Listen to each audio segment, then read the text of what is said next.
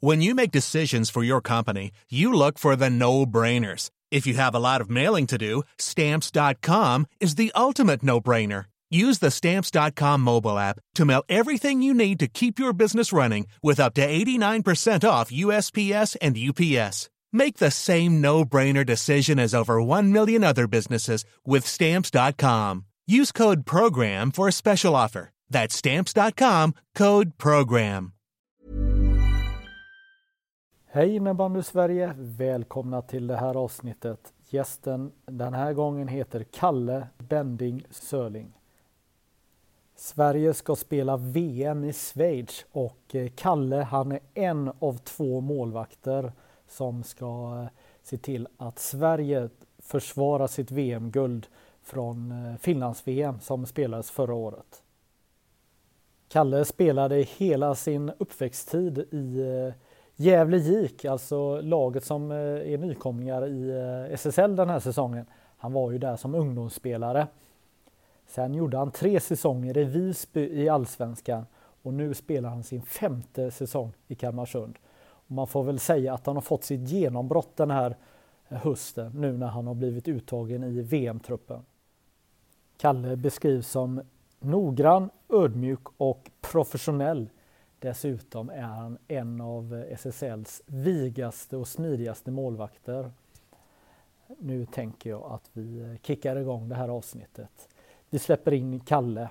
Nu kör vi!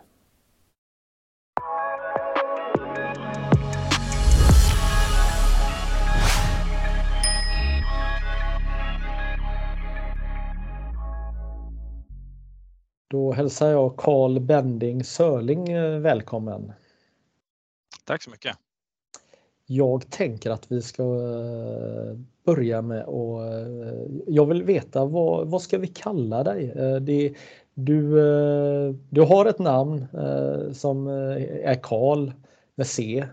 Men du kallas också för Kalle med K. Ja. Kan du reda ut här, vad, vad heter du? Ja, ja men det är rörigt det där. Jag är ju döpt till Karl, men jag tror aldrig någon någonsin har sagt Karl till mig. Det har alltid varit Kalle bara. Så att, eh, Kalle funkar jättebra. Eh, jag skriver själv Kalle på alla sociala medier och på jobb och, och allting. Så, så att eh, Kalle med, med K funkar jättebra. Ja, och, men varför blir det inte Kalle med C då? Nej, jag tror att det är estetiskt bara. Jag tycker, tror, att man är liten och man ska, man ska skriva saker, då, då Kalle blir med K så, och C blir cykel. Typ den logiken följde väl jag när jag var, jag vet, inte jag, fyra, fem år. Så, så den, eh, jag håller fast vid den än idag. Ja, och, eh, men du har dubbelnamn. Hur kommer det sig då? Ja, pappa heter Sörling och eh, mamma heter Bending. Så jag, jag fick ju Sörling lite senare i, i livet så. Så att från början var det bara Bending. Men, men ja, jag har dubbelnamn nu, Bending Sörling föredrar jag. Så. Mm. Och det, vad står det på ryggen? Ja, det står bara Bending faktiskt. Det var, jag tror att det var av estetiska skäl också. Det var ett namn som fick plats. Eh, det sa, ja, sa Kalmarsund och, och det sa också eh, ja, Janne för, för svensk innebandy sa att du får välja ett namn så, ha på ryggen. Det får inte plats båda. Nej. Um, du är ogift eller? Ja, Mm. Men jag har eh, sambo, eh, sambo och hund. Så, så. Ja. Men eh, vi är inte gifta. Nej, och om ni gifter er, tar du in hennes efternamn också då? Eller? Börja inte med den här debatten. eh, nej, det är ju tufft det där. Det skulle bli tre namn eh, och vi, eh, ämnet har väl kommit upp så, men det brukar alltid sluta med lite dålig stämning så att vi skjuter det här problemet framför oss. Ja, det är så. Ja. Uh, född 1994. För mig är ju ja. det eh, den här sommaren. Eh, har du hört att det var en väldigt varm sommar den sommaren? Ja, ja. Och, ja det hör man ju hela tiden. Ja, absolut. Och, och, och, den här fotbollsturneringen då som var på, på sommaren och alla var glada och så. Ja, precis. Ja, det har man hört. Ja. Har du tittat på någonting på tv om det efteråt? Eh, ja, jag tror att det är svårt att komma undan. Det, var, det är väl ja, men varenda gång det är fotbolls-VM eller någonting så ja, men det spelas ju låtarna så, från det VM och sen så har man ju alltid de här återblickarna med Ravellis straffräddning. Så, så det, det, det, är svårt att komma undan just den biten. Ja. Du är ju ganska okänd får man nog väl ändå säga i innebandyvärlden. Du, Eh, och det är lite elakt också att säga det. Du gör femte säsongen i, med Kalmarsund i SSL. Ja. Och eh, är eh, nybliven VM-deltagare i det kommande VMet. Mm. Vad, hur, hur, tänker du kring det? Är du okänd eller vad, är det jag som är dåligt påläst? Nej, men det beror på vem man frågar. Alltså, allt är väl, eh, är väl relativt så alla lag har väl någon fixstjärna. Jag tror att i, eh, i Kalmarsund så, så finns det ju bara en. Det är ju som Frihetsgudinnan i, i New York på något vis att man, eh, man får stå i skuggan av Kim Nilsson så, och, och med all rätt. Absolut. Men jag tror att det, det, det just det, ja, påverkar väl också hur mycket man syns och så där. Men eh, jag tror väl eh, att, ja, som sagt, det beror på vem man frågar lite grann om man är okänd eller inte. Och jag har inget problem med att ja, stå längst bak och inte synas på något sätt så, utan eh, det, det, får gärna vara Kim eller någon annan som, som tar det rampljuset. Så. Ja. Eh, det är ju inte bara glitter och glamour för eh, Kim Nilsson tänker jag. Ni, ni måste väl ändå se också vilket jobb han får lägga ner efter varje match, efter varje ja, bortamatch, hemmamatch. Att det är många som vill ta bilder och ja, vill ha en del av honom. Så är det ju. Verkligen. Eh, men jag tror också att det har med, med åren och ju, ju mer framgång som det har blivit för Kalmarsund och för, för andra spelare i laget. Så, så det är ju alltid så här. Jag tar ju fler bilder idag än vad jag gjorde för fyra år sedan. Så, så att eh, just om man ska prata bara kändisskap eller så, så, så det växer ju för, för alla i laget. Det har ju blivit ett större intresse i Kalmar, speciellt efter förra året med SM-final och så vidare. Så, så ja, Kim, Kim bär fortfarande fanan med all rätt, så. men eh, det är ett litet eftersläp. Så. Ja. Eh, pratade häromdagen med Niklas, eh, en av eh, två förbundskaptener mm. och eh, sa att jag skulle prata med dig. Och då eh, med lite glimten i ögat. Ja, men fråga, fråga Kalle om han sov bra natten innan VM-truppen presenterades. Gjorde du det? Nej, faktiskt inte. Och det är lite olikt mig så. Jag brukar ganska lätt att ja, koppla bort saker och ting. Så det, för mig brukar det vara nästa match, nästa match. Så, så att eh, ja, när vi hade mött Pixbo, då var det ju ingen nästa match. Vi mötte dem på, på lördagen borta och eh, VM-truppen presenteras på måndagen och du vet, så här, lördag kväll låg man och började fundera. Så, ja, vad är nästa steg nu? Jo, men det är ju ja, det är VM-truppen. Så, så att eh, då eh, börjar man ju bli lite nervös eftersom man inte hade hört någonting. Så. Och sen eh, söndag kväll var det precis samma visa fast eh, ännu värre. Så, så att eh, ja, måndag morgon var man ju faktiskt väldigt nervös. Ja. Och eh, hur kändes det att få eh, det här positiva beskedet? Jag har ju pratat med Jon tidigare om det här. Han har ju fått ett negativt besked eh, eh, när han har varit nära flera gånger och till förra VMet så fick han ju vara med. Men hur var det för dig då att, att få det här eh, positiva beskedet? Nej, men det var ju. Det var ju förlösande på något vis. Så man har ju jobbat väldigt länge egentligen, alltså många, många år, så som alla andra också som är med i VM-truppen och som har varit nära VM-truppen man har lagt ner ett, eh, ett hästjobb under en längre tid och offrat mycket för det. Och sådana här saker och utnämningar och ja, medtagande, det gör ju, blir ett kvitto på något vis att man har, har gjort någonting bra och att man är på väg någonstans. Så, och speciellt de senaste åren här i Kalmarsund så, så ja, har man lagt ner mycket tid och, och jobb och liksom en stark vilja att bli bättre på något vis.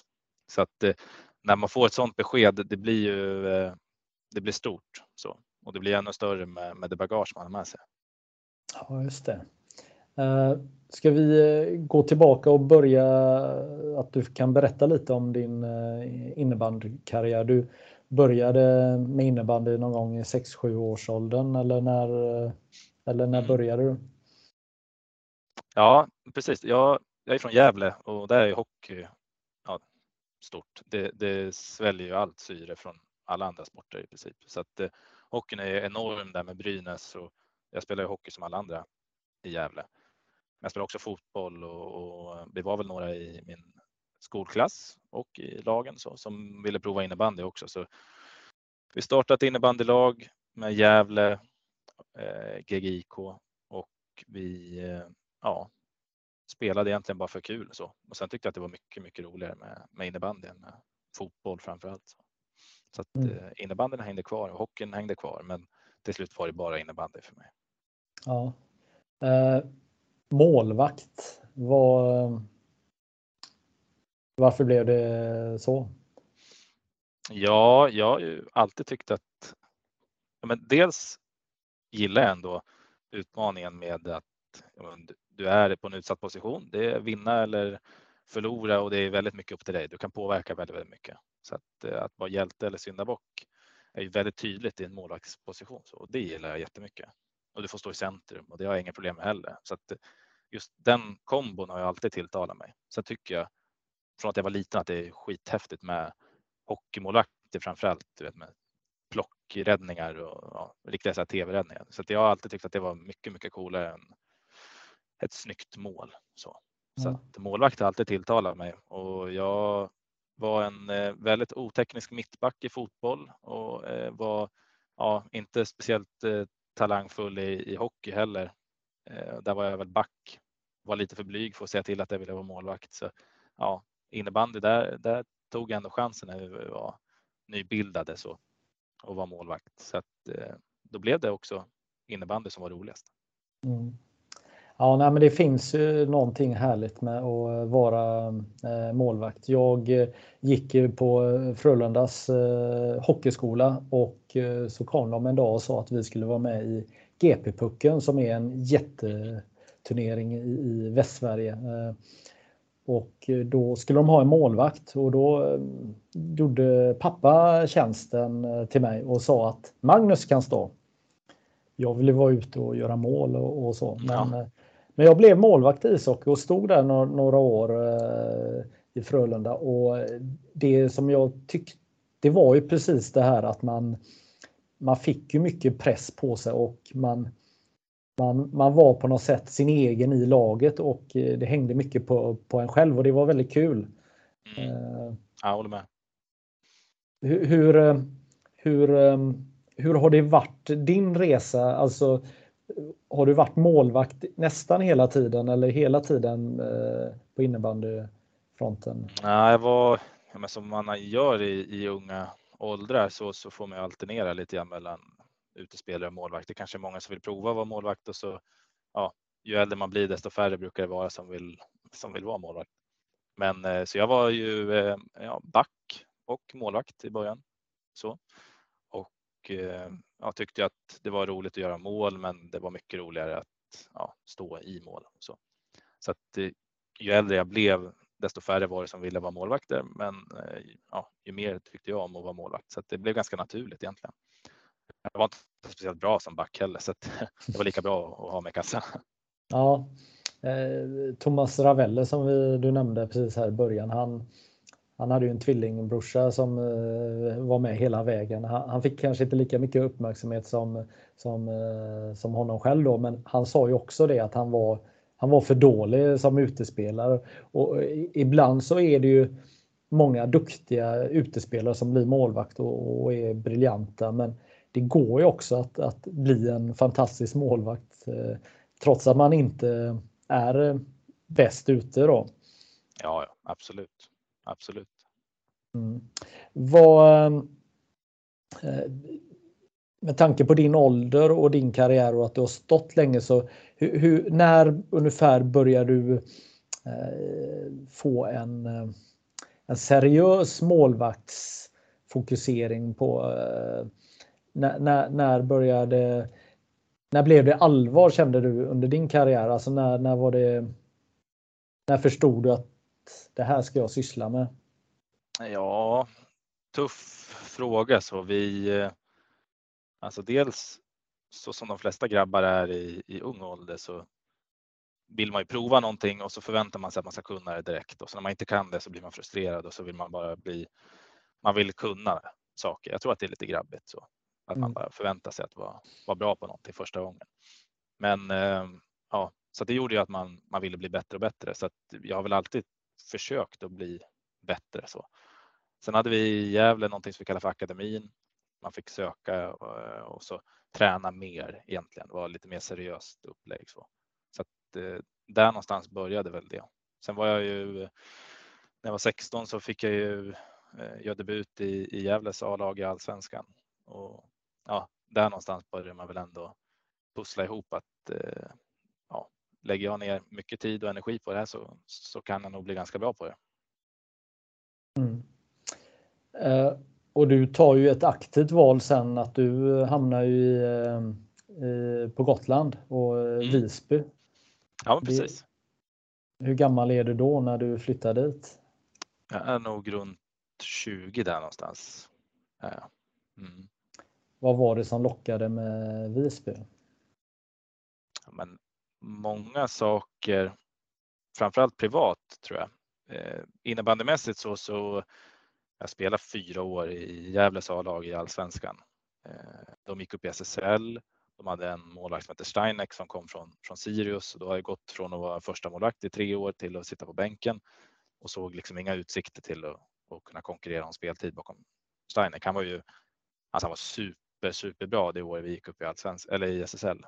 Eh, så att eh, ja, jag insåg mina begränsningar och, och tänkte att jag behöver ha speltid och jag behöver ha det i en nivå som jag behärskar. Så, och, så innebandymässigt så, så var det ju egentligen perfekt att gå till Visby. De var nykomlingar i allsvenskan eh, till den säsongen jag kom. Och det fanns behov av en, en målvakt där helt enkelt. Så. Men eh, sen privat också, du vet man är ju eh, i den åldern så man behöver man behöver göra någonting eget, man behöver röra på sig, man behöver hitta någonting i, i, livet efter gymnasiet som man tycker är kul. Så, så jag kände väl att jag hade stått och, och stampat lite grann eh, civilt och privat. Så, så att, eh, jag behövde flytta på mig och ja, möjligheten kom att flytta till Visby så jag tänkte att jag har ingenting att förlora på det. Om man inte trivs eh, där så kan man alltid flytta hem. Ja, det eh, låter ju kanon. Eh, jag tänker på grabben som inte vågade säga att eh, han ville stå i mål i hockey där, men det här vågade du. Hur kommer det sig? Ja, men det händer mycket på, på de där 16 åren eller vad det var. Så att eh, nej, men det. Jag tror att det kommer till en punkt då man bara känner i, i hela kroppen att jag behöver röra på mig. Så, och den punkten var jag på, alltså civilt och ja, man behöver hitta någonting, eh, någonting eget i, i livet. Så, så att eh, för min del, det var egentligen ja, men som för alla, vad gör man efter gymnasiet? Vad gör jag när jag tar studenten? Och så har man gått med de tankarna i ett år och så ser man kompisar flytta till Stockholm eller åker utomlands och, och gör sin grej. Så. så att jag tror att kombinationen av att inte få spela i Gävle och att eh, dessutom känna att man att det måste hända någonting. Det, det gjorde att valet var egentligen väldigt enkelt.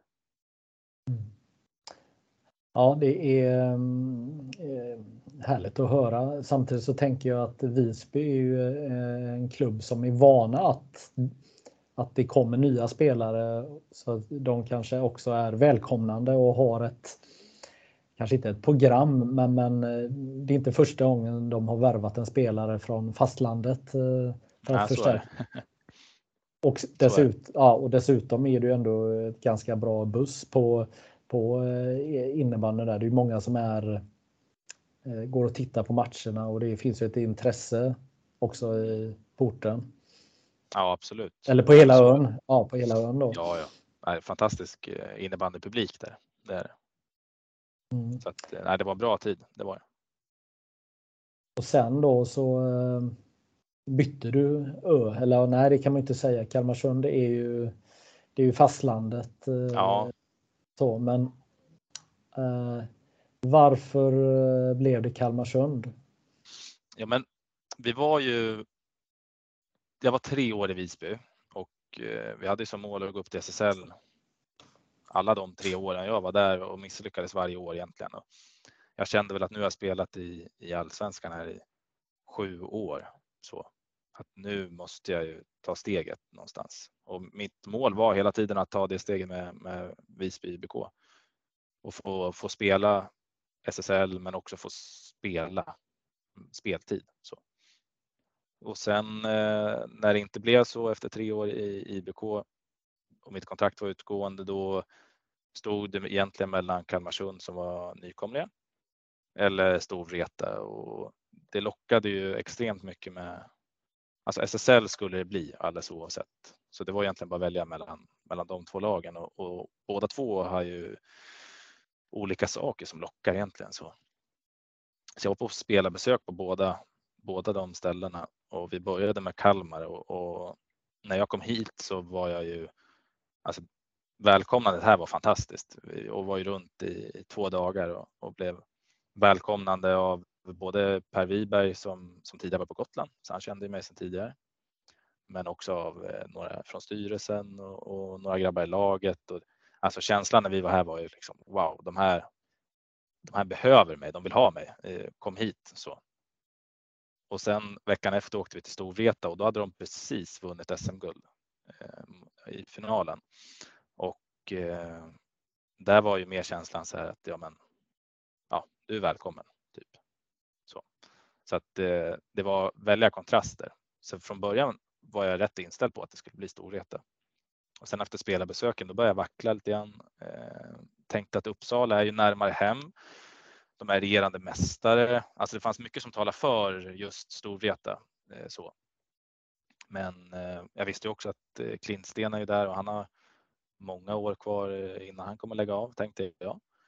Och där har jag nog ingen chans att få speltid eh, man förrän han lägger av egentligen. Så, så att eh, ja, det var tufft där. Jag våndades många, många kvällar och, och över det beslutet. Sen ringde jag upp eh, Mikael Rasi som, som var ansvarig då i Storvreta.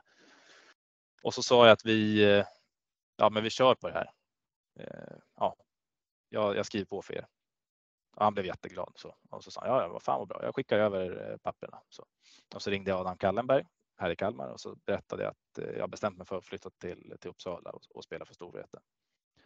Och eh, ja, Kallenberg sa väl bara några, några välvalda ord att eh, ja, jäkligt tråkigt. Jag tror att eh, den rollen du hade fått här hade vuxit mycket av, så, både som människa men också som spelare. Men eh, jag förstår ditt beslut och, och Storvreta är ju ja, Storvreta är Storvreta. Så. Och sen la jag på och så kände jag att det här gick alldeles för snabbt. Det här blev fel.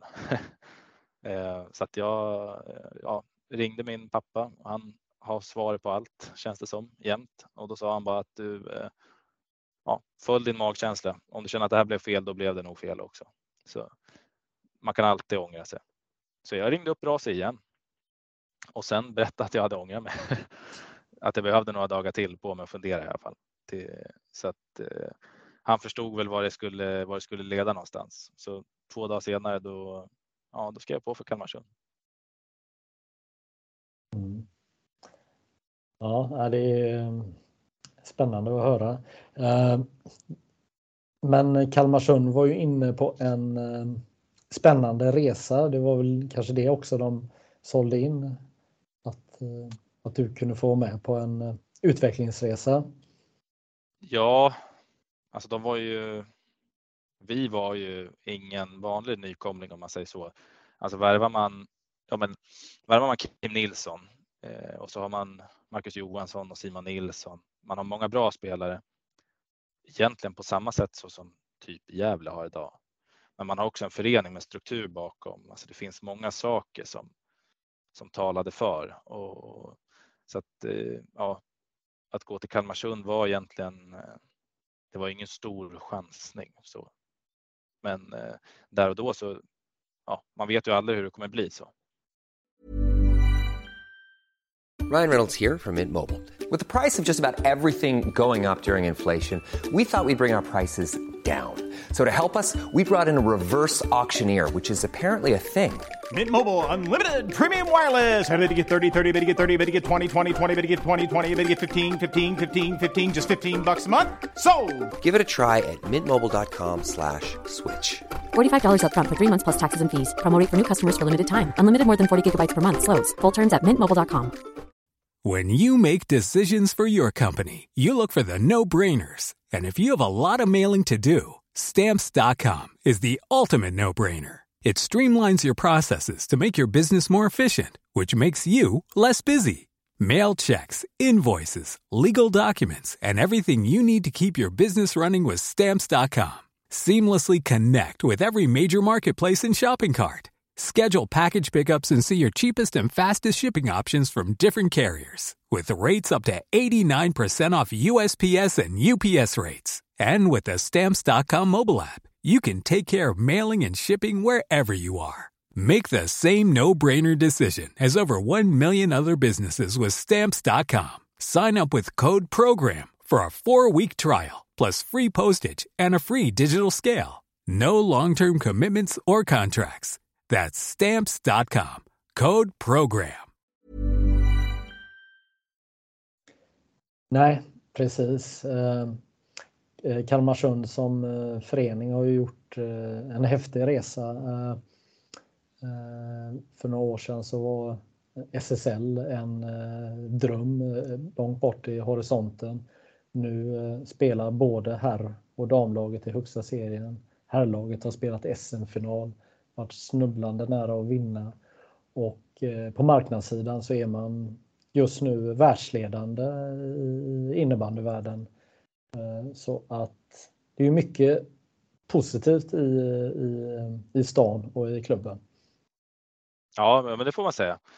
Det är ju kontrasten. När jag spelade i Visby så, så eh, sista omgången så mötte vi Kalmar. Då hade vi kunnat slagit ut Kalmarsund ur allsvenskan. Och säsongen efter så skulle Kim flytta hem och spela för Kalmarsund, men bara om de spelar i allsvenskan, inte division 1. Så just den matchen möttes vi. Eh, jag spelade inte den matchen för Visby då jag satt på bänken, men, men då hade vi kunnat skickat ur Kalmarsund och allsvenskan och, och hela den här resan hade inte ens eh, ja, hade inte blivit möjlig. Så det är små marginaler och det är super superresa som, som föreningen har gjort som jag faktiskt bara tror att man är. Man är bara i startblocket av den. Så vad du säger är, hade du stått den här matchen och gjort din livsmatch här så, så, eh, så hade dagens 2022 varit lite annorlunda, eller? Ja, kanske, kanske. Ödet eh, hade väl eh, sitt lilla finger med i spelet kanske. Ja, exakt. Ehm, Hur är det att spela i Kalmarsund? Vi har bra förutsättningar. Jag tror att om man bara ser till sitt egna och försöker jämföra med andra lag eh, så ser man ju bara andra lag utifrån så. Men jag skulle gissa på att det är väl en eh, tre, fyra föreningar med, med samma förutsättningar som, som vi har här. Så det, med det menar jag att vi har, vi har en jättefin hall som vi tränar i. Vi kan komma och träna när vi vill egentligen på dagtid eh, eller ja, hela vägen fram till vår, vår träningstid som brukar vara halv fyra på dagarna. Så har vi tillgång till en fantastisk hall eh, och vi har jättebra materialare i, Henrik Milton som, som löser egentligen alla ens problem med material och så vidare. Så, så att förutsättningarna finns ju att, att verkligen utvecklas här. Så, så har, man, har man drivet så, så eh, ja, finns resten här. Ja. Eh, är man en ung innebandyspelare så undrar man ju alltid hur mycket tjänar man som innebandyspelare? Kan man tjäna pengar? Men eh, hur, hur ser din situation ut? Jo- Jobbar du, du jobbar som eh, rådgivare på Länsförsäkringar. Eh, Ja, precis. Jobbar du 100% eller hur, hur mycket jobbar du? Nej, jag jobbar 80 procent så. Länsförsäkringar är en av våra, våra huvudsponsorer för, för Kalmarsund. Så, och de har ju väldigt god förståelse för att man är borta mycket. Så, så på papper jobbar vi 80 procent ungefär. På pappret, bra. Ja. ja. Det blir lite mindre i praktiken. Så kan Ja, säga. ja. Eh, Det låter, ju, det låter bra. Och sen så har du en ersättning då från klubben också då. Ja, precis. Så att, eh, Mm. rent eh, skattemässigt så kan man säga att man har två anställningar. Så. Mm. Så ett plus ett blir ganska okej då eller? Ja, det får man ändå säga. Så det är dumt att klaga. Nej, precis. Ja, men det är ändå eh, någonting som väldigt många undrar över hur, hur det är eh, och, och, och vara elitspelare och samtidigt jobba då. Eh, haft diskussioner med eh, Mm. förbundskaptenerna just om hur de ser på det och att de nästan kräver att ni som är på landslagsnivå inte jobbar heltid. Mm. Ja, men det går inte. Man får inte ihop det eh, alls. Så med den träning man ska lägga ner och den återhämtning man behöver och ja, det mentala fokus. Eh, man glömmer ofta bort, i alla fall när man, när man eh, kollar på träningsupplägg, att ja, kroppen behöver återhämta sig, men, men huvudet behöver också återhämta sig. Så det funkar inte att jobba 100% alls. Och jag vet också, precis som du säger, att det är många som frågar. Det är typ den vanligaste frågan jag får. Hur mycket tjänar man? Och så. Eh, så att eh, ja, det är ju, man behöver ofta jobba också. Man kan nog leva på det om man är väldigt ekonomisk så, men eh, jobba tycker jag ändå att man, man ska göra för att leva ett någorlunda drägligt liv, men också ha en sysselsättning på dagarna. Så. Ja, och det går ju inte pausa den eh, civila karriären kanske allt för länge heller, eller? Nej, nej, det är inte som i hockey om du spelar i, i NHL så då, då är du ju klar för livet sen.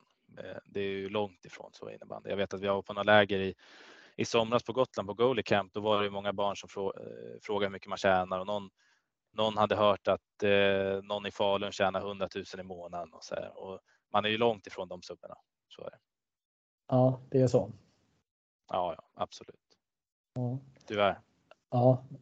Men du håller väl inte på med det här för pengarnas skull, eller? Nej, nej, nej. nej då hade jag valt hockeyn istället. så är det. Nej, det är helt fel idrott om man bara, bara är ute efter pengar. Mm. Eh, omdömet om dig, det är noggrann, ödmjuk. Stämmer det eller? Ja, jag är väldigt noggrann i, i allt jag gör i alla fall. Det, det får jag ändå säga. Så eh, jag tror att jag tror att det är en bra egenskap om man eh, ja, som, som för en själv så jag var inte den största talangen. Jag var inte med i U19, blev inte uttagen till RIG eller så. Eh, så att jag har ju aldrig varit någon vidare talang med boll och klubba eller i, i målet. Så jag är nog mer en, en arbetsprodukt eller vad man ska säga. Så att då krävs det nog lite noggrannhet om man inte har andra. Mm. Eh, vig är du också. Mm. Det är den näst eh, mest frekventa frågan. Hur blir man vig? Ja. Hur blir man vig? Ja, precis. Ja, man stretchar väldigt mycket. Det gör man. Eh, att, Men det, men det är eh, ju, det är ju eh, det finns ju tråkiga saker i livet. Eh, Om man skulle göra en lista så stretching kommer ju ganska högt upp, i alla fall om du håller på med idrott. Men Ja, du älskar det eller? nej, nej, nej, nej, nej, det är ett nödvändigt ont är det väl. Eh, jag skulle säga att det men när man var typ tio år eh, så var man väldigt mjuk naturligt så. Och jag har alltid tyckt att det var coolt som sagt med så tv-räddningar. Man ser i hockey, de går ner i split och plockar pucken så. Så att det har jag ju gjort hemma på köksgolvet sedan jag var fyra år. Så här, suttit och, i split och försökt plocka puckarna. Men eh, ja, ju äldre man blir desto stelare blir man tyvärr. Så att eh, med åldern så har det där eh, har, man, har det krävts att man stretchar för att hålla i det där och, det är ju in, inte kul och, och inte skönt heller för den delen. Men ja, det behövs. Ja. Eh, om man går in, nu är inte jag, jag tycker ju att det är jättesvårt att vara innebandymålvakt. Jag har ju testat själv någon gång som man själv har stått i mål i ishockey då. Så, men Ja. jag, jag tycker det är så himla onaturligt eh, att eh, det, det är inte onaturligt att vara målvakt och, och, och, sitta på knäna, inte det jag menar, men det är, det är eh, det behövs mycket träning för att eh, att det ska bli bra. Och, och då ska jag försöka komma med en fråga här. Vad, vilka bitar har du jobbat bort under resans gång? Alltså felaktigheter i ditt målvaktsspel och vad, vad har du fokuserat på för att, för att bli jag bättre? Eh, nej men jag har alltid varit som sagt ett fan av, av fina räddningar och liksom den biten. Så jag har ju alltid spelat väldigt eh, med mycket rörelse och försökt eh, ja, men vara ganska spektakulär, så atletisk. Så, så på, på senare år när man försöker bli bättre, då är det ofta att vara jämnare, jämnare prestationer. De höga topparna har alltid funnits, men, men det har varit väldigt djupa dalar eh, också tidigare och de dalarna får man bort genom att, eh, att spela lite tajtare och lite lugnare och försöka att få, få till det här att sitta i vägen också lite grann och inte bara rädda varje boll. Så, så att jag tror att på senare år, ju äldre jag blivit så, så har ju det varit en nyckel att försöka, försöka vara lite tajtare. Ja, eh, för närkampsspelet eh, är ju en av dina styrkor. Kan du förklara vad, vad, vad menas med det för någon som kanske inte riktigt förstår närkampsspel? Vad då målvakter ska ju rädda bollar? Ja, jag hörde att Brolle sa det, närkampsspel. Eh, jag funderade också om det var man ja, börja på någon, på någon kampsport eller så, men, men jag tror att han menar närspelet så och det är ju ofta bollar som är nära mål, så avslut eller sidledsförflyttningar eller någon som kommer fri till exempel och försöker runda en. Eh, och då krävs det att man är explosiv och stark och, och vig till exempel och rörlig framför allt. Just den biten har jag alltid haft och alltid tyckt var rolig så att det är ju eh, ja, det är ju en av mina styrkor. Så.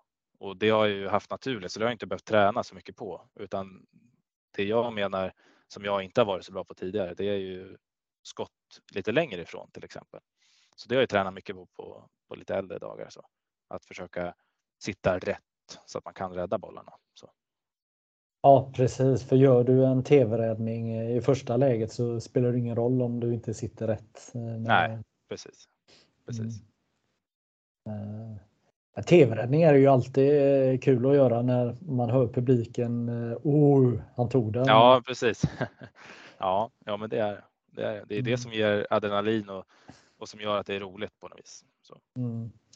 Ja, men det, jag måste, eh, det är ganska kul när man eh, sätter sig in i målvaktstänket här. Och, eh, som, som hockeymålvakt så, så är det ja. ju ganska gött om den, ja. hamnar, om den hamnar i plocken och, och, och, så drar man upp handen mot krysset och åh, han tog den i krysset. Man säljer in den lite grann. Ja, ja man säljer in den lite. Ja. Det är inte så ofta ni, ni har möjlighet att greppa en boll i krysset, eller? Nej, nej, det är lite svårare än i hockey. Man har ju eh, större skydd och lite bättre förutsättningar att kunna, kunna limma en puck så än, än vad man har i innebandy kanske. Men mm. eh, det gör ju också att tv-räddningar i innebandy kan se lite annorlunda ut. Man är lite smidigare om inte annat. Det, ja, kollar man på SHL som jag gör mycket, jag följer ju mitt älskade Brynäs eh, slaviskt så. Eh, så att, men man ser ju också att det ser inte helt lätt ut att, att röra sig i de här stora skydden som de har. Så att jag tror att eh, en tv-räddning i hockey och innebandy kan se lite olika ut. Ja. Det är ju jobbigt som utespelare, jag spelar själv fortfarande, om man får iväg ett skott och målvakten limmar det. Så min fråga är, är, känns det lite gott ibland när man, när man limmar skott? Visar man ja, på något ja. sätt någon form av pondus eller hur tänker du? Ja, på, på träningar. Det händer inte så ofta på match eh, som sagt att man gör det, speciellt inte om det är hårda avslut. Men på träningar och på uppvärmningsövningar och allting så, så eh, är det alltid målet att försöka, försöka greppa bollarna, få bli lite varm och, och så. Och lyckas man med det så, så låter man ju medspelarna höra det på träning, absolut. Det, det är man inte sen på. Nej, och uh, har du själv skjutit och du limmar den så vet du spelaren om det mm. också. Det, ja, ja. det, blir, det, blir, en extra kamp i matchen här, eller på träningen. Ja, Nej, det är det. Ja, så är det absolut. Det brukar jag vara eh, i matchuppvärmningar också när man ja, har skott från mitten till exempel. Så, så eh, ja, det var nog eh, nu hemmamatchen inför Gävle tror jag var då Koffe Dahl i vårt lag. Han eh, sköt två skott i rad från mitten, två slagskott med limma i, i rad. Så, här. så det lät jag han höra i omklädningsrummet sen. Ska du verkligen sätta på dig matchtröjan eller ska du åka hem? Ja. Kanske dags nu. Ja, men det är härligt. Jo, men det, ja. det här tugget, det, det, behövs också. Ja, ja, det behöver man. Behöver ja, men trigga igång sig själv och, och jag tror också att det, ja, det triggar ju medspelarna också. Ja. Jo, absolut. Det är också det är härligt eh, när, när det drabbar någon annan för då vet man också att våra målvakt, han är het idag. Han eh, ja. kommer göra det så, så, att det brukar vara dubbelt. Du, nummer 72 spelar du med. Var, varför gör du det? Mm, jag hade någon favorit i eh, Färjestad, Sino Wallenheimo som, som hade 72. Han gjorde också många spektakulära räddningar. Så. jag var ju, vad var jag, kanske fyra, fem år, något sånt där. Så att eh, han blev en favorit ganska snabbt så. Eh, och han hade ju, eh, han var ju inblandad i många highlights-klipp, men jag tror att han blev mest känd för att han hade sågat lite grann på sin hockeyklubba. Så för att det skulle bli smalare i, i handen så, så gick klubban av i någon final. Så så jag tror att det är det han är ihågkommen för, men för mig så är han alltid 72. Så. Ja, ja men det... jag, jag hade en fråga här som jag försökte få svar på precis innan vi, vi spelade in här. Vad, vad gör du för eh, speciellt med din utrustning? Du, alla gör ju någonting.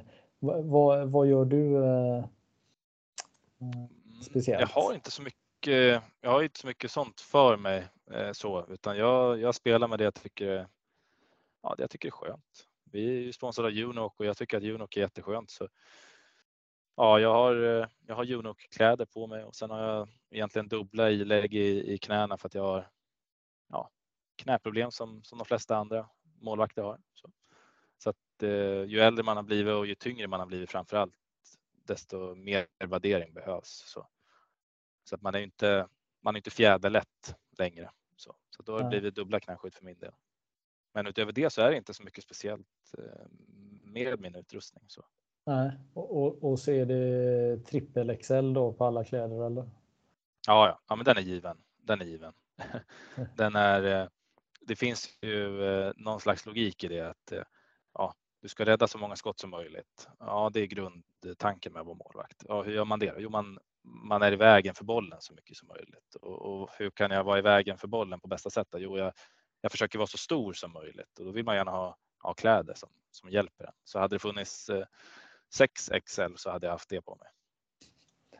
Ja, det var ju en eh, trend. Eh, det kanske är 15 år sedan. Eh, det är svårt att säga exakt hur många år tillbaka i tiden, men då var det ju en del som stod i t-shirt. Det, det, var lite grejen. Mm.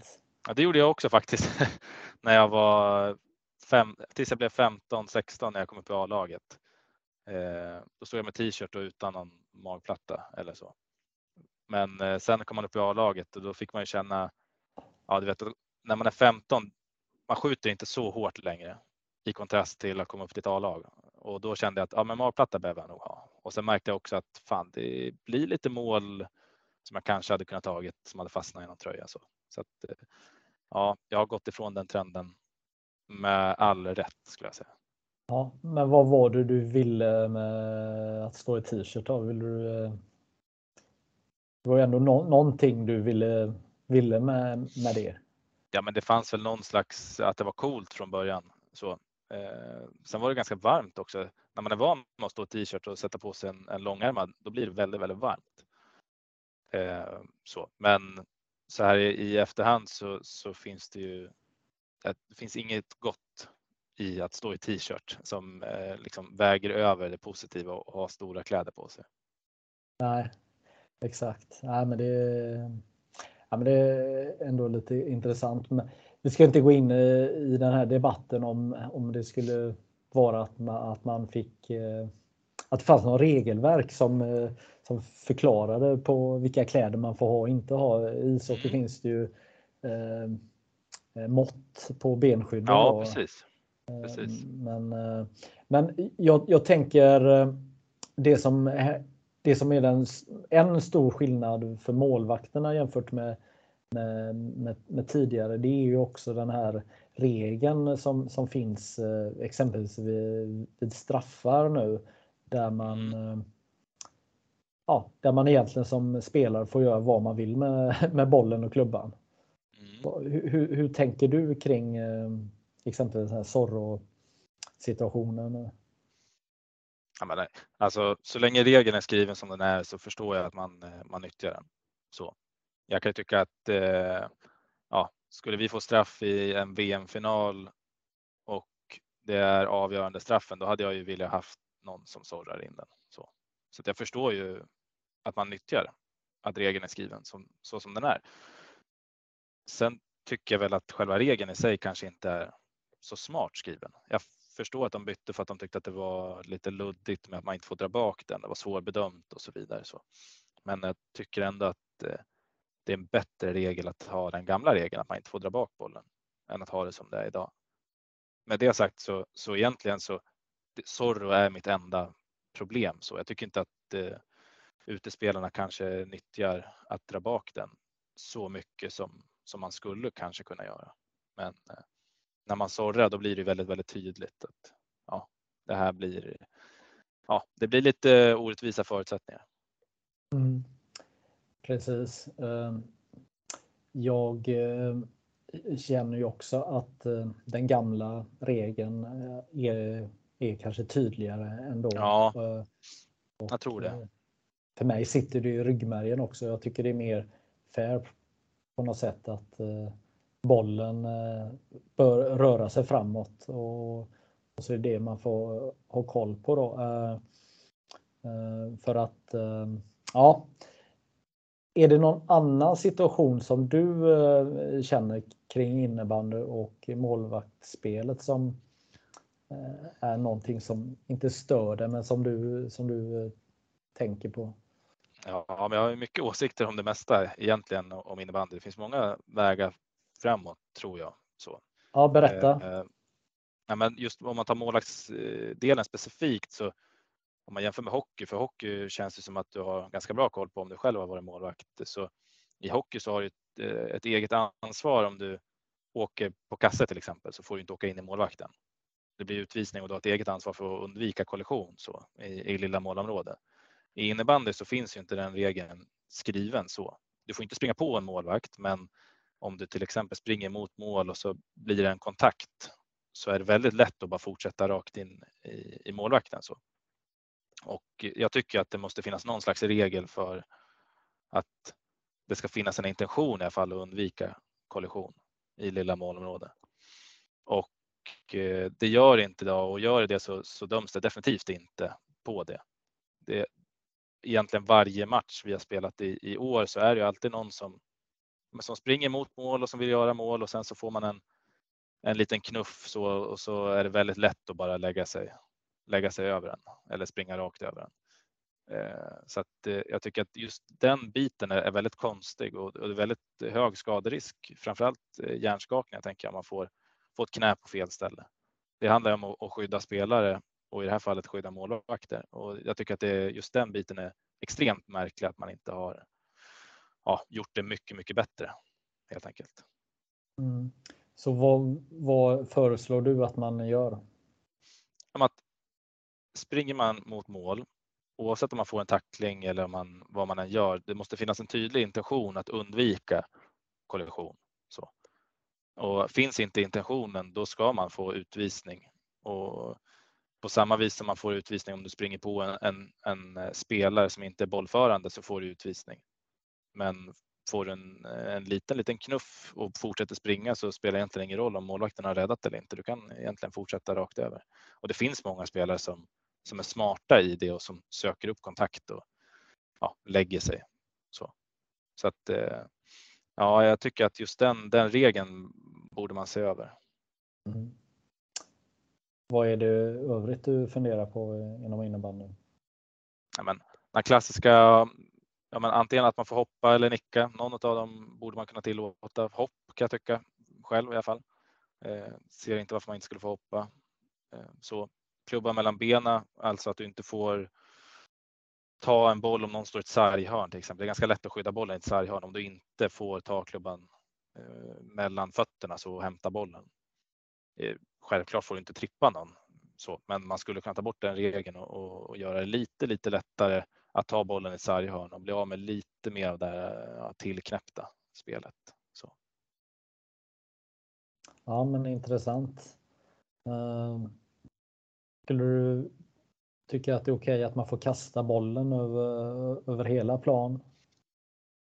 Nej, men jag tycker ändå att det är en bra regel på något vis. Alltså skulle man få kasta den över hela plan så skulle ju alltså, jag skulle kunna kasta den till, till andra kortsargen. Så jag tror att det skulle uppmuntra till lite mer fiskande spel eller vad man ska säga. Att just studsen gör ganska mycket och det är ändå tillräckligt lätt att, eh, att kasta ut det långt med, med en studs. Så att jag tycker inte att den, eh, den regeln behöver man väl kanske inte se över. Det är väl i så fall att man skulle kunna få göra mål som målvakt. Då. Det hade väl jag tyckt var jättekul. Det är ganska svårt att kasta på en motståndare och in i målet.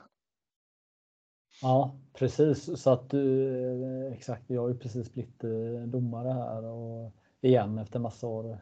Men man får, ja, du får alltså inte kasta in den här. Nej, jag får inte kasta den rakt in, men jag får ju kasta den ja, i golvet innan mittplan och sen får den ta på en motståndare och in. Då förstår jag att jag får målet. Men risken finns ju att det bedöms som självmål också och det är ju en till sån här regel man är konfunderad över hur man kan ha självmål i, i innebandy. Det är ändå någon som, som eh, var sist på den i, i motståndarlaget. Ja, jag håller faktiskt med. Jag såg faktiskt eh, en match när eh, Martin Östholm inte fick ett mål. Han leder ju poängligan just nu ändå, men där, där domarna bestämde att det skulle vara självmål och ja, det kan man ha åsikter om, men vi har ju faktiskt, ja. vi, vi, har ju faktiskt, apropå det här med att målvakter gör mål, vi har ju faktiskt eh, sett en ökning av det i handbollen har vi börjat se det nu när de plockar målvakterna i spelet. Och vi har ju även sett det i NHL, ser man det ja, lite, ja, precis. lite då och då. Och nu när du säger det så öppnar det faktiskt upp att jäklar vad, vad fräckt.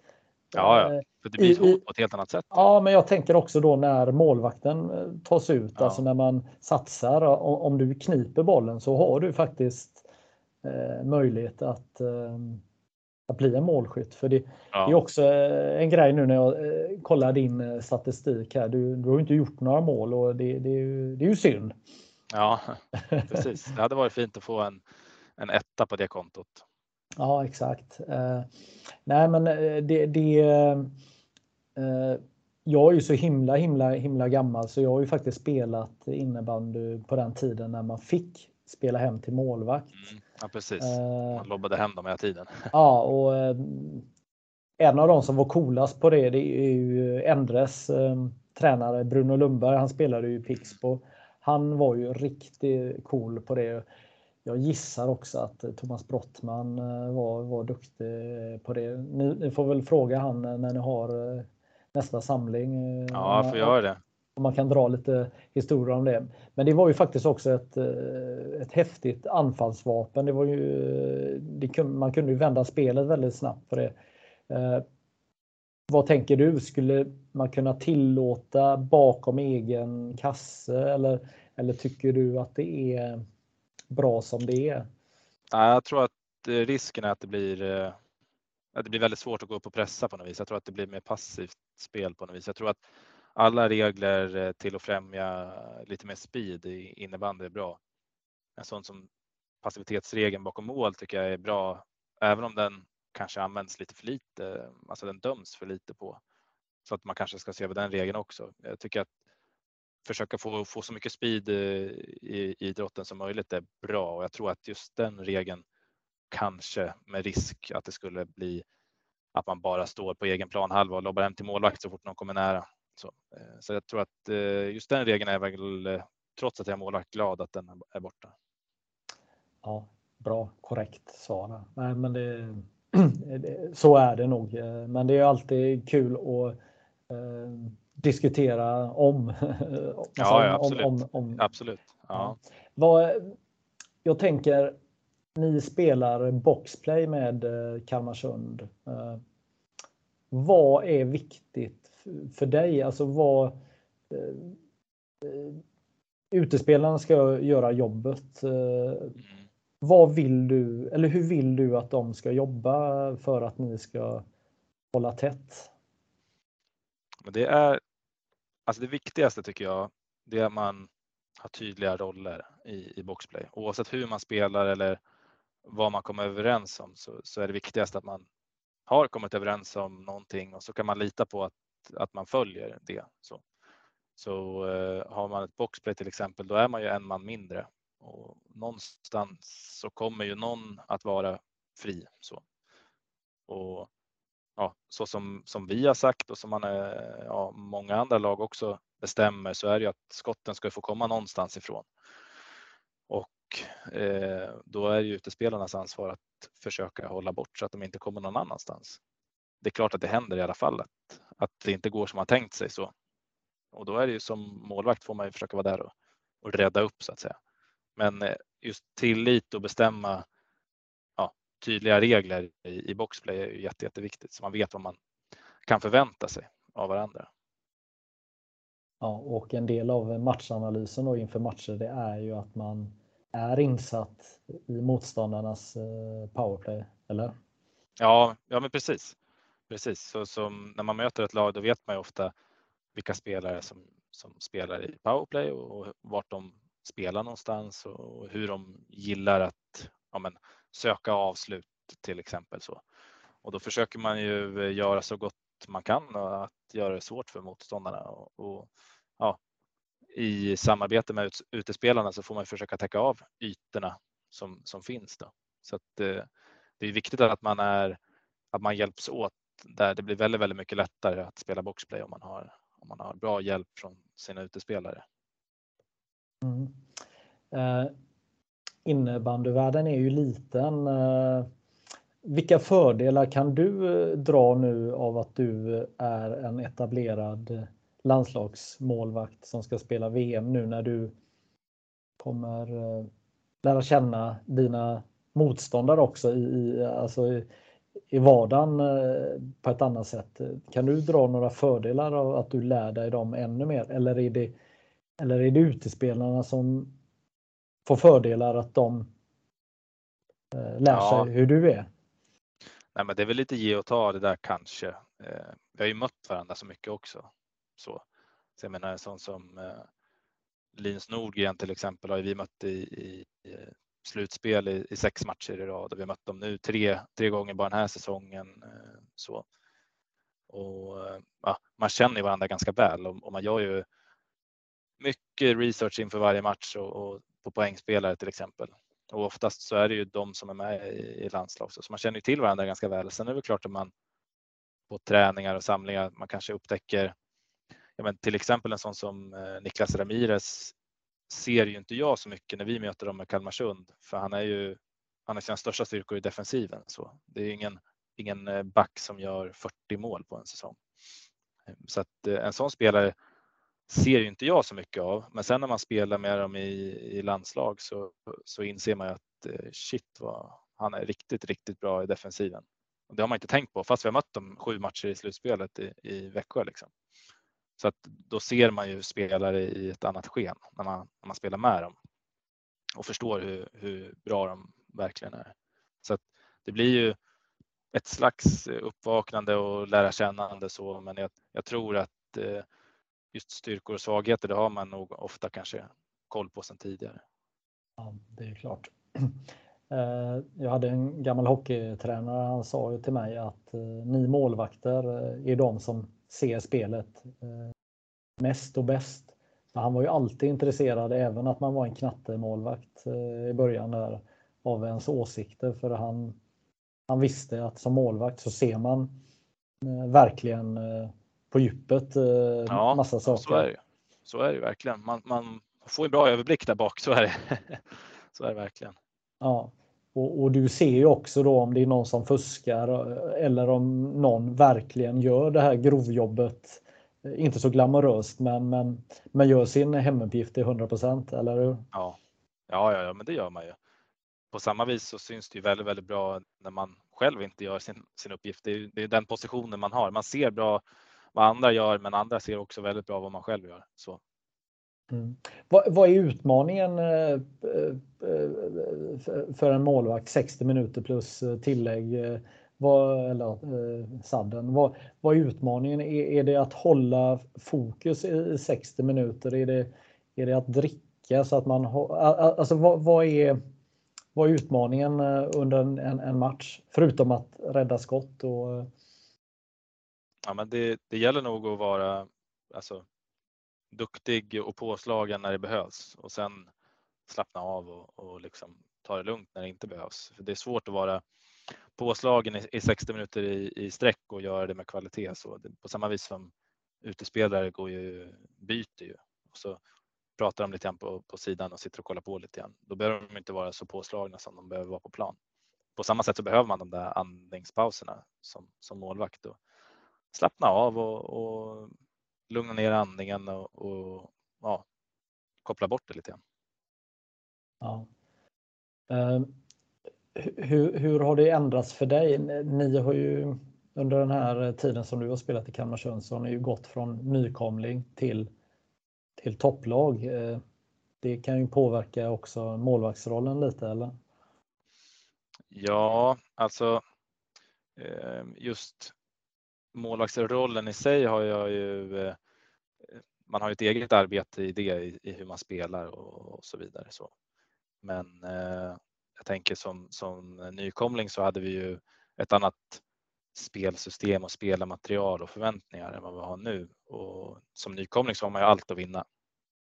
Spelar man i ett, i ett bottenlag eller som, som nykomling så ja, varje räddning och varje match och varje poäng man tar med sig är ju, är ju en bonus egentligen. Så.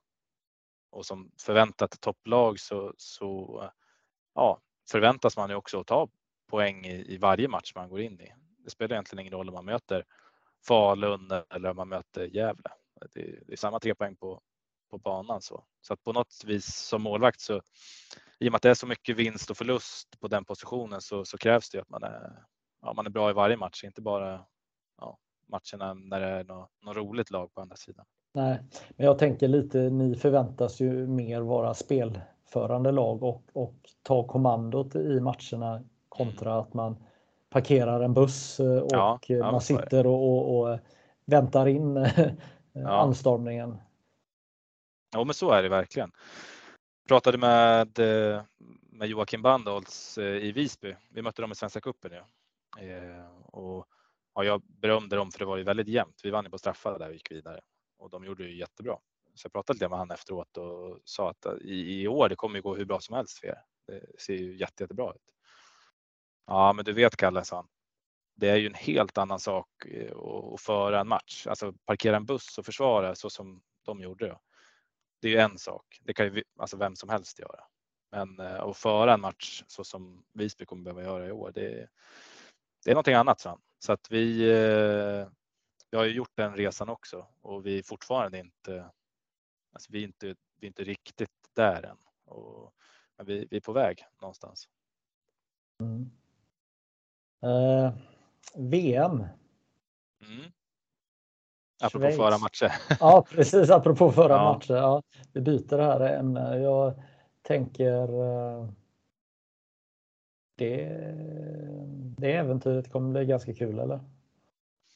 Ja, det kommer bli jättekul. Det kommer bli. Det kommer bli eh, jättehäftigt att få spela eh, VM i Schweiz med mycket publik och allt sånt. Och det känns ju lite som en klyscha, men, men det är ju eh, där är det ju matcher som, som gäller någonting och det. Ja, har man spelat några slutspel så, så, eh, så blir man ju, man, man får ju blodad tand så man vill ju bara spela sådana matcher. De matcherna är de som är roliga på riktigt och att eh, spela seriematcher sen, det kan ju vara lite serielunk över det. Så att få bryta om ett VM så här, det känns ju, ja, det ska bli jättekul. Mm.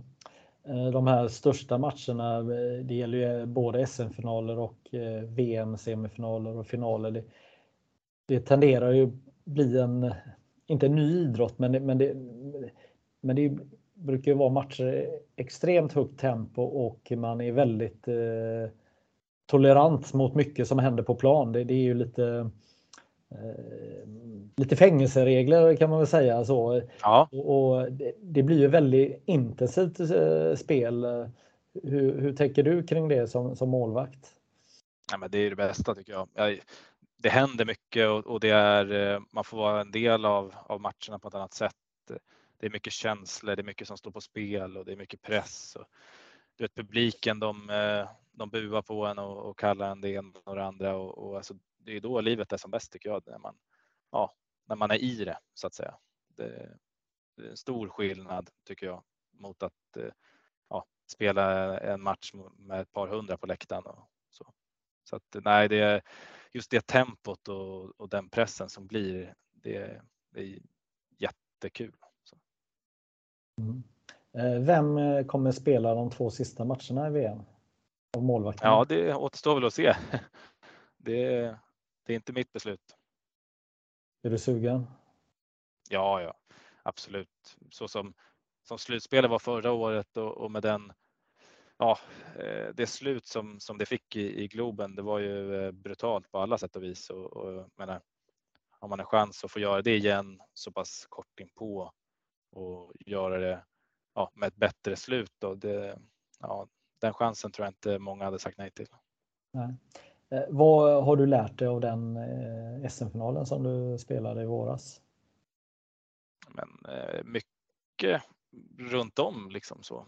Alltså att det blir fokus är inte bara på innebandy. När man är på innebandyplan så är det precis samma sak som det alltid är. Det är, det är en innebandymatch. Så, alltså, man märker, eller jag märkte inte av i alla fall att det var att det var i Globen eller att det var mycket folk. Eller så. Det, det påverkar ingenting, men det är ju alla de här sakerna innan som inte är matchen som, som blir annorlunda med, med uppladdning och allt sånt. Så att på så vis har man fått med sig mycket, mycket bra erfarenheter. Mm. Och VM är ju också innebandyspelarnas möjlighet att vara heltidsproffs i, i 10-12 dagar då när, från att man åker till flygplatsen tills man kommer hem. Ja. Det är väl också en liten ny liten omställning att man inte har något jobb att gå till eller utan att det är bara ja, fokus precis. på laget. Precis. Ja, det blir ju inte. Det är ingen semester i Zürich man åker på direkt utan det, det blir ju någonting annat så att det, ja, det ska bli häftigt. Ja, det tenderar ju till att bli lite pingisturneringar och sånt under ett sånt här läger. Kommer du har de sagt att man ska ta med sig eget pingisrack eller? Nej, men jag har ett här på jobbet faktiskt. Vi spelar en del pingis här så att jag tror att blir det pingisturnering då, då är jag nog eh, favorit faktiskt. Pingis är jag vass på. Ja, det, vi får återkomma och, och, se om det, om det blir någon eh, pingisturnering där. Det, ja, ja, men vi kan hålla tummarna om inte annat. Ja, vet, eh, Martin Östholm eh, jobbade på Unihoc och jag körde pingis mot honom. Han, han spöar skiten nu men jag hade också ja. lite, jag hade lite inställning. Eh, jag var där på något besök och jag hade inställning att jag är ganska hyfsad men det var jag inte efter att ha spelat med han. Men, ja, jag... Det spelas en del pingis där också. Man. Ja, det, det, det gjordes det. Så att, eh, vad, eh, två målvakter. Det är klart att då blir ju fokus på dig och Jon eh, ganska självklart. Eh, så. Det är ju ni som är de som eh, som ja, är sista utposten. Och, ja. hur, hur, hur, har ni hunnit snacka någonting du och Jon? Nej, vi möttes ju innan uttagningen eh, var. Så att eh, då visste vi inte om det. Så, sen har vi haft lite möten och så i, i stora, stora grupper så vi har inte pratat någonting på tu man hand heller. Men vi kommer att träffas i, på ett förläger i, i Båstad innan VM. Så, så att eh, tid att, att prata kommer vi, det kommer vi definitivt ha. Ja. Vad, vad är det för likheter och vad är det för skillnader mellan er som målvakter tänker du? Alltså som, ja men det finns ju många likheter och många skillnader, både som målvakter och som personer. Så jag tror båda två som personer är ganska noggranna, både i sitt målvaktsspel men också på sidan av. Så. Vi är väl ganska lugna också i eh, vår framtoning socialt. Men eh, eh, på plan så, så eh, skiljer vi oss ju lite grann. Så jag är väl kanske lite mer rörlig och, och vad man ska säga. Och han sitter väl lite längre in och, och räddar väl mer skott på att sitta rätt placeringssäker. Så. Men eh, många styrkor som jag har har han också och vice versa. Ja. Jag eh, gillar ju hans eh, sak som han har utvecklat det här när han fäller ner handen eh, mm. vid frilägen och, och så. Vad, är det någonting du har testat eh, eller jobbat med? Ja, det är det ju absolut. Prova eh, i situationer när man, när man är nära så. Eh, vi spelar ju sådana situationer lite annorlunda och olika. Så jag använder ju benen mer kanske i sidled när man är nära. Men eh, i de fallen man, man slänger sig så, så är det ett jätteanvändbart eh, sätt att, att rädda bollarna på. Jag såg att han la ut någon bild på Instagram för någon dag sedan från någon straff mot AIK och då är det väldigt tydligt hur han använder padden eller vad man ska säga eh, för att, att rädda och det är ju eh, effektivt. Ja, det, det, just det här att man som innebandymålvakt inte har en klubba gör ju att, att, att det finns ju några svagheter eh, eh, fysiskt eller vad man nu ska säga eh, när ni måste göra förflyttningar och det är väl de man försöker hitta och täta till. Har du någon annan sån här sak som du jobbar med och tänker på? I, i någon specifika situationer tänker du eller? Ja, men jag tänker om det är någon skottvinkels eh, sak att man nu, nu killgissar jag bara. Men ja, att, att, att man vri, att, men att man vrider huvudet på något visst sätt eller, eller täcker vid, vid halsen. Att man vet att när, när det är tajt nära första stolpen att man på något sätt är, är det några ytor som, som man lite behöver jobba med för att täcka av eller, eller, är, ja, eller kan man inte fokusera? Ja men typ eh, som i hockey till exempel, då sitter ju ofta målvakter mot en, en stolpe och lutar sig om den är på vid förlängda mållinjen och en liten bit uppåt. Så. Och i hockey, beroende på målvaktsstil, men de flesta har ganska lik stil där, då lutar man sig mot stolpen. Om stolpen är, är här, då lutar man sig mot och så finns det alltid en lucka eh, här uppe. Så. I innebandy så lutar man sig inte på samma sätt riktigt, utan man är lite mer flexibel. Så. Eh, och jag tror många målvakter i högsta ligan jobbar nog ganska likt både mig och Jon med att man har, man har en död arm, kallar man det för. En, en arm som hänger egentligen längs med stolpen för att, att blocka och göra sig stor. Ja, eh, så att jag tror att i, i mångt och mycket så är väl själva grundtänken för, för åtminstone målvakter på högre nivå är väl ganska likt varandra. Så. Sen har man väl olika stilar och olika sätt att, eh, att nå fram till det, men själva grundpositioneringen ja, sättet att täppa till luckorna mellan eh, mage och armbågar är väl ganska li likt mellan oss eh, ja, målvakter.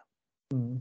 Men eh, ja. för att svara på din fråga, jag har inga specifika unika sätt att täppa till några, några luckor på utan det, det ser nog ganska likt ut som, som andra gör också. Ja.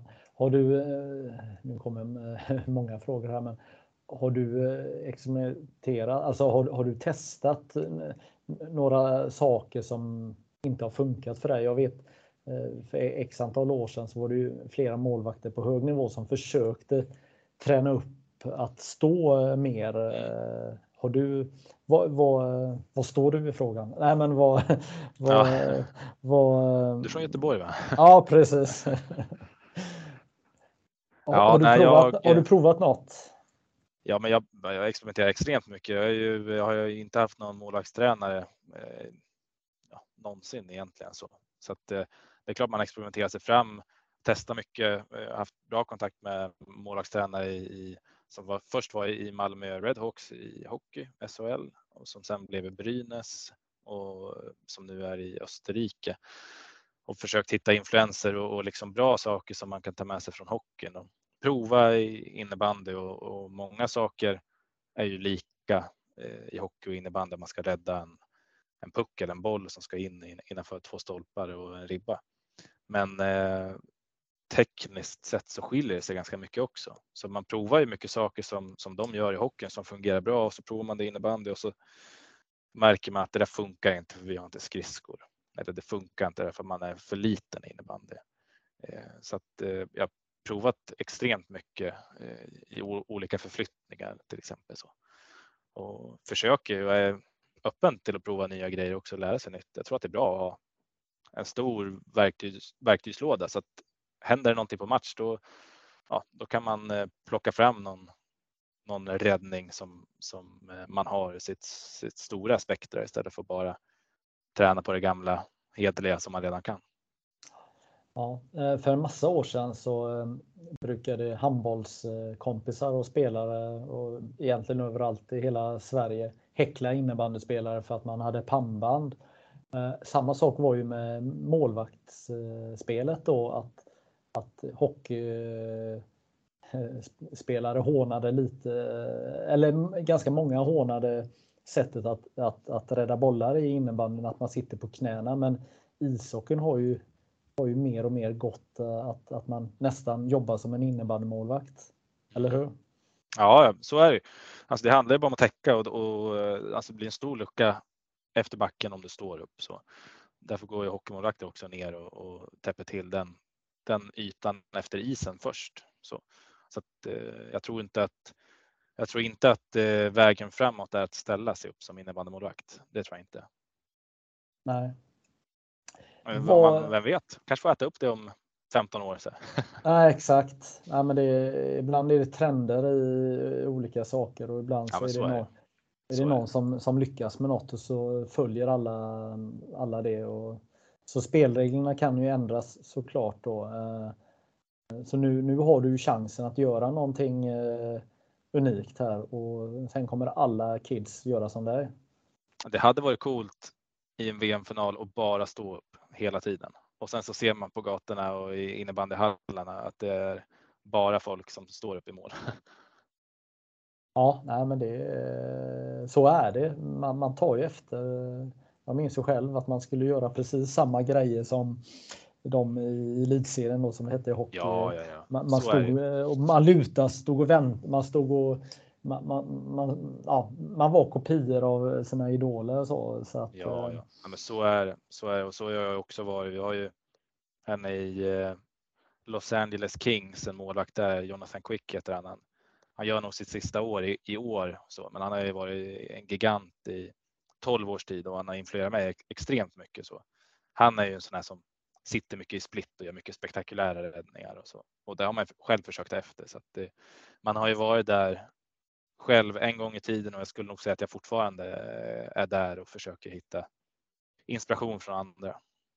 Som om han helt plötsligt skulle vara på semester i Kalmar och ser en eh, skylt att det är en innebandymatch och han går in i hallen. Skulle han känna igen sig någonting om han såg dig då? Eller? Ja, men det tror jag. Dels därför att min nya hjälm är eh, som en liten tribut eller hyllning till honom. Den är likadan som hans är målad, men med lite Kalmarfärger istället. Så dels det, men sen också i, i, spelstilen så tror jag nog kanske att han skulle, skulle ja, känna igen sig. Men skulle han vara här eh, i hallen och liksom sitta så att jag skulle se honom, då skulle jag nog vara ja, men som en, eh, en liten skolflicka. Väldigt starstruck och svårt att fokusera. Ja. Eh, vad, apropå hjälmar och eh, målningar, har du, har du en stor samling nu med, med lackerade hjälmar som har du ja, egen... det börjar bli några stycken. Ja. Det börjar bli det. Det blir som ett litet troféskåp kanske när man är, när man är klar, avdankad. Ja. Är, är, är det viktigt att ha en specialdesignad? Ja, jag tycker det. Jag tycker att alltså både i, eh, jag tror man kan känna igen sig privat, men också på plan så att alltså känner man sig eh, bekväm och med bekväm menar jag att man, har, att man känner sig eh, fräsch och, och men, så. Det är lättare att ha bra självförtroende. Så. Och ja, känner man sig snygg då får man bättre självförtroende och ja, det där hänger ihop det där. Så att eh, specialdesignad hjälm, det, för mig är det jätteviktigt. Det är en del av liksom, eh, paketeringen. Ja. Vad, eh, ingår det i kontraktet här eller får du punga ut med det själv eller har du lyckats eh, förklara för klubbledningen att det är självklarhet att, att man ska? Ja, första året då så lyckades jag förklara, men jag vet inte om de har slagit dövöra till i år eller vad det är, men de, i år så, så vägrar de bidra. Så i år fick man hitta lite, lite kreativa lösningar för att, att fixa det där. Men till slut så, så löste, löste det sig. Ja. Eh, en praktisk fråga. Hur, hur fungerar det nu när du spelar i, i landslaget här med, med hjälm och, och, och utrustning? Mm. Det är en jättebra fråga och det är också en sån här, nu är vi på en till grej som jag har åsikter om. och kanske man inte får ha åsikter om, men det har jag i alla fall.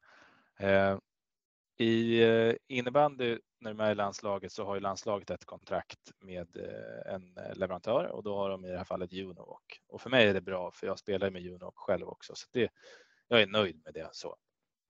Men kravställningen där på utespelare är ju obefintlig egentligen. Så Kim till exempel som har avtal med Salming och som eh, spelar med Salming skor och klubba. Han får ju spela med Salming skor och klubba. Men eh, samma sak för Kevin Haglund till exempel. Också avtal med Salming och han kommer med Salming skor och klubba. Sen har landslaget en eh, materialleverantör för kläder. Så alltså inte material i form av klubbor eller så, utan bara för själva kläderna och det är Puma. Så de får ju matchtröjor och matchshorts och så i Puma.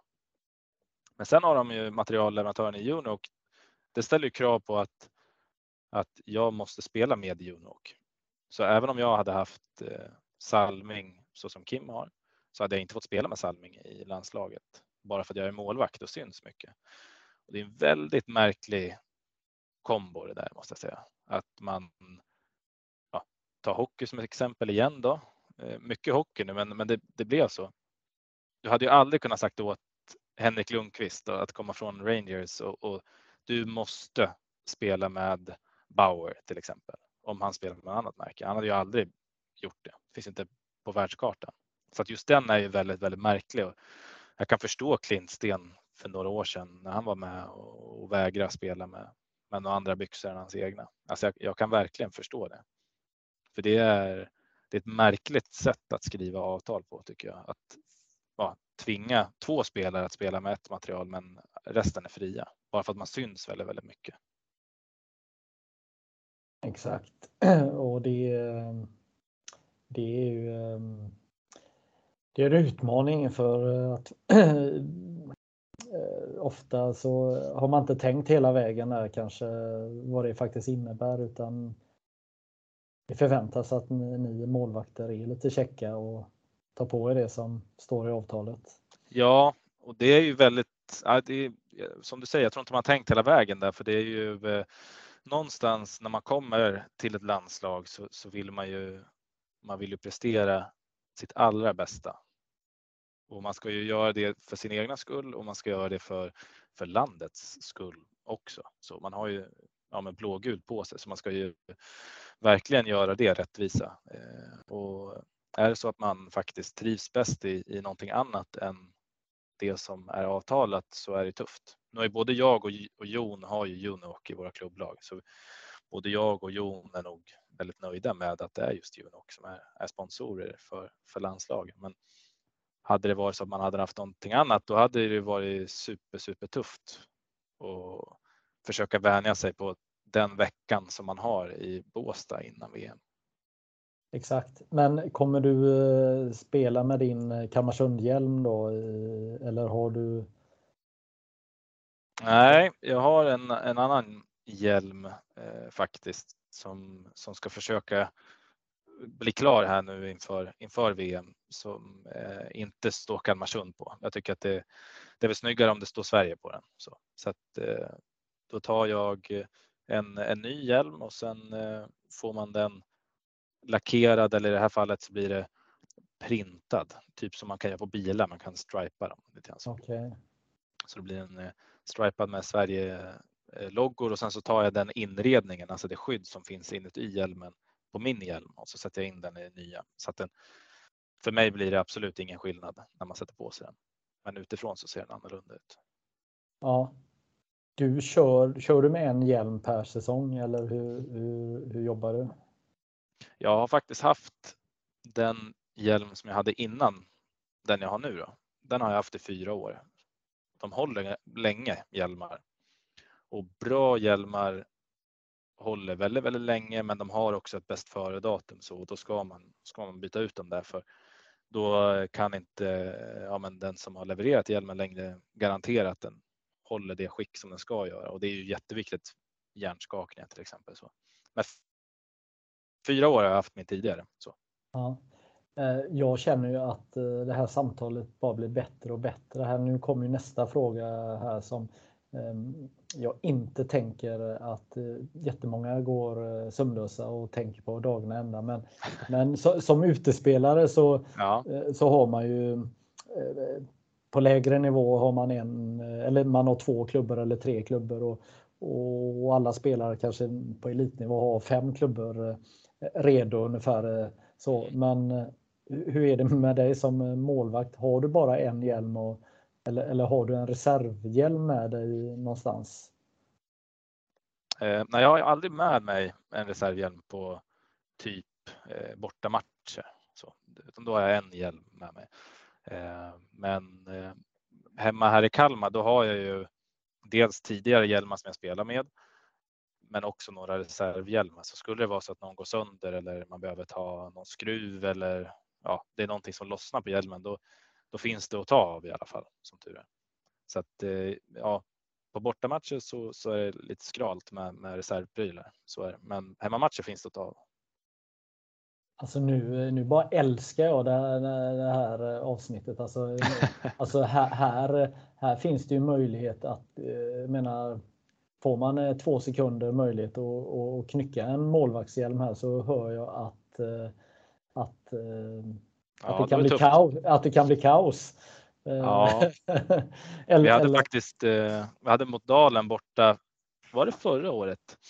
Jag tror att det var förra året, det kan ha varit två år sedan, men då eh, flög vi till matchen och, och när vi kom fram så, så kom alla väskor förutom min. Så då fick jag låna av Mons eh, ett par skor. Och fick låna ett par byxor av honom och, och från någon RIG-målvakt fick jag en magplatta. Och det var, det var ju ett eh, axplock av grejer som eh, ja, det såg ut som att jag spelade division 4 så, för det var ju ingenting som var symmetriskt och, och passade eller som det skulle. Måns har väl typ 46 eller 47 på fötterna och jag 43 så det var, ja, det var en stor skillnad att spela i sånt som man inte är van med och som man aldrig tränar i och, och eh, Thomas Krona, hans hjälm fick jag låna. Så att det, var, det såg lite roligt ut det där. Ja. Hur, hur gick det för dig i matchen då? Vi vann. Eh, jag tror att det blev typ 9-3 eh, eller 9-4 eller något sånt där. Så att det gick ju bra. Men det var väl också en sån här grej att det här får inte förstöra. Det här kommer inte att förstöra. Så att, Nej. Jag var lite extra på tårna. Ja, nej, men eh, nu skämtar vi lite här, men eh, det, det, de flesta sakerna går att tejpa och, och skruva fast. Ja. Eh, så. Ja, ja. ja, men så är det. Så är det. Hjälmar är super, superviktiga och så, men just eftersom att de, de kostar ganska mycket och det är ju liksom ihopskruvat och monterat och, och, och gediget gjort så, så de går inte sönder så ofta. Och är det någonting som, som lossnar så kan man för det mesta skruva tillbaka. Mm. Vad, hur ser dina händer ut efter massa år i, i, i verksamheten? Jag har några brutna och stukade fingrar, speciellt på den här ja. handen. De är, det kanske inte syns, men de är lite sneda. Eh, ja. Inte så vackra så, men ja. så att eh, ja, här syns det bättre. Ja, just det. Ja. Så att eh, ja, jag har fått ur led, ur led, bruten så att det, ja, de är inte så fina. Jag har fingrar som man inte kan få ut rakt riktigt. Så det är, jag tänker att det är ett kvitto på ett bra jobb. Ja. Man släpper ja. inte returer som man inte är där på i alla fall.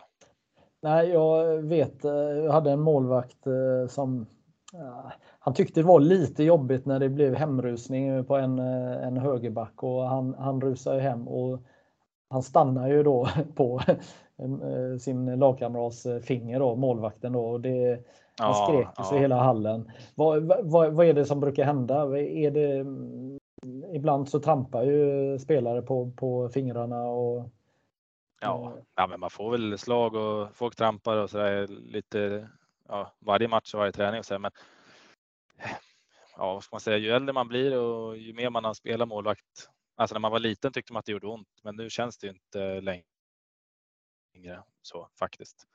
Det är väl, eh, man får någon blånagel eller så, men det, det gör inte så ont att få slag på fingrarna faktiskt. Det, man vänjer sig. Mer än så är det inte. Det, jag har aldrig riktigt förstått ja, själva grejen med att man ska när man eh, får ett slag på fingrarna så ser det ut att göra jätte, jätteont för så ont gör det faktiskt inte. Utan det, ja, jag tror att det är någon, eh, någon bild av det att, man, att det ska göra ont att få slag på fingrarna men det gör inte så ont efter ett tag. Alltså, man, man vänjer sig. Ja. Du har alltid stått med handskar eller? Nej, jag började med det för några år sedan. Eh, jag står med amerikanska fotbollshandskar och eh, jag gör det egentligen för att det är så bra grepp i dem. Alltså det, det är super, superbra grepp i dem så att det blir lite lättare med returer och ja, men, uh, greppa bollar överlag. Så. Mm. så därför står jag med dem och innan stod jag utan handskar. Jag tycker att det hade det inte varit för att det var så bra grepp i amerikanska fotbollshandskar så hade jag stått utan alla dagar i veckan. Jag tycker att det, det är större frihet för händerna. Så. Men ja, greppet överväger faktiskt. Ja, det är så. Och ja, absolut. Är det, är, det allt, är det greppet du enbart pratar om eh, att, att, att rädda bollar och hantera bollarna eller är det också att förflytta dig också? Är det en ja. faktor eller? Ja, det är faktiskt en stor faktor, det har du rätt i. Eh, det finns lite grepp på fingrarna också och så. Och det underlättar mycket när man förflyttar sig, speciellt om det går lite snabbt så. Så att eh, Eh, man får lite extra hjälp eh, av, just greppet i, i händerna. Så. Så att eh, just handskar hade jag väl kanske spelat utan om det inte vore för greppet. Men greppet gör att det hjälper en ganska mycket i, i förflyttningar som du säger också. Mm.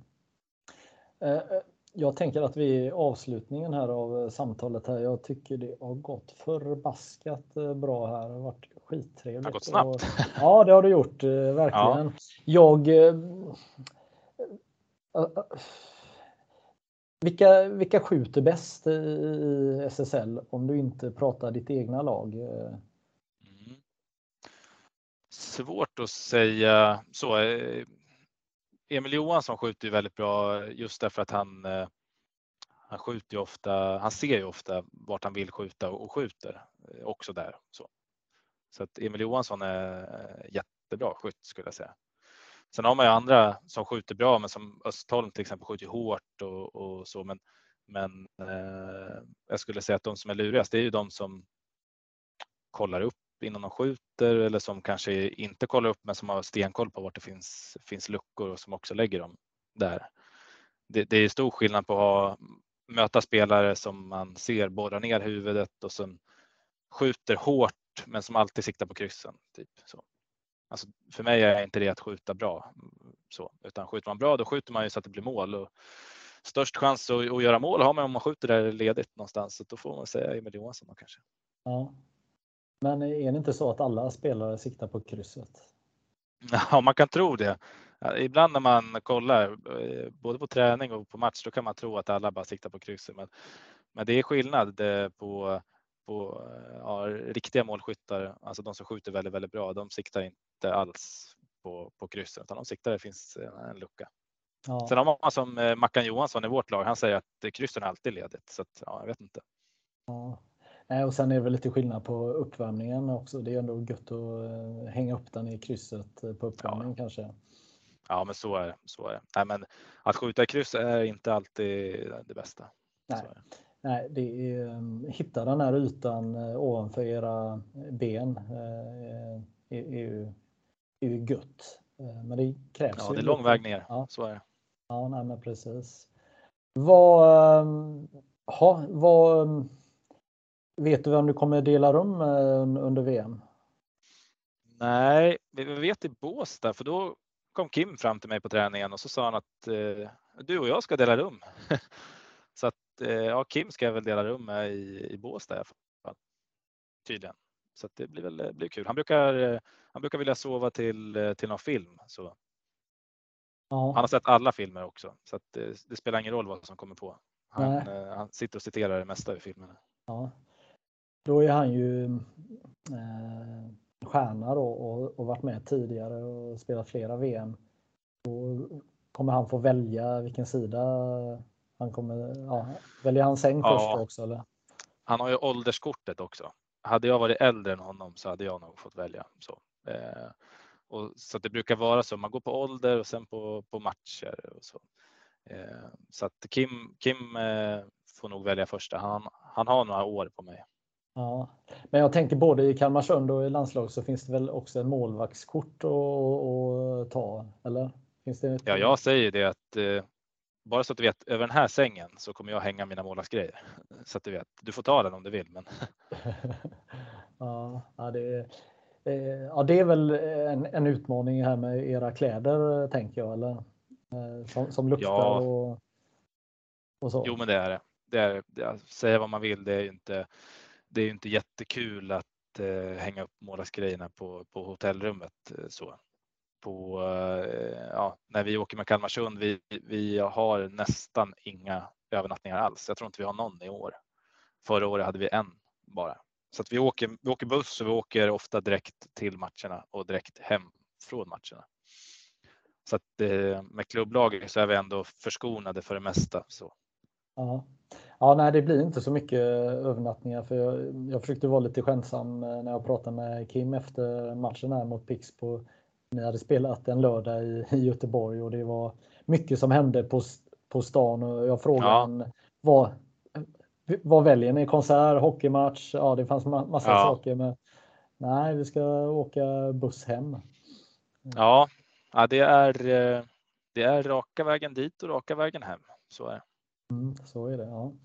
Eh, skitkul att prata med dig och lycka till med, med VM. Ja, men detsamma Magnus. Tack så jättemycket.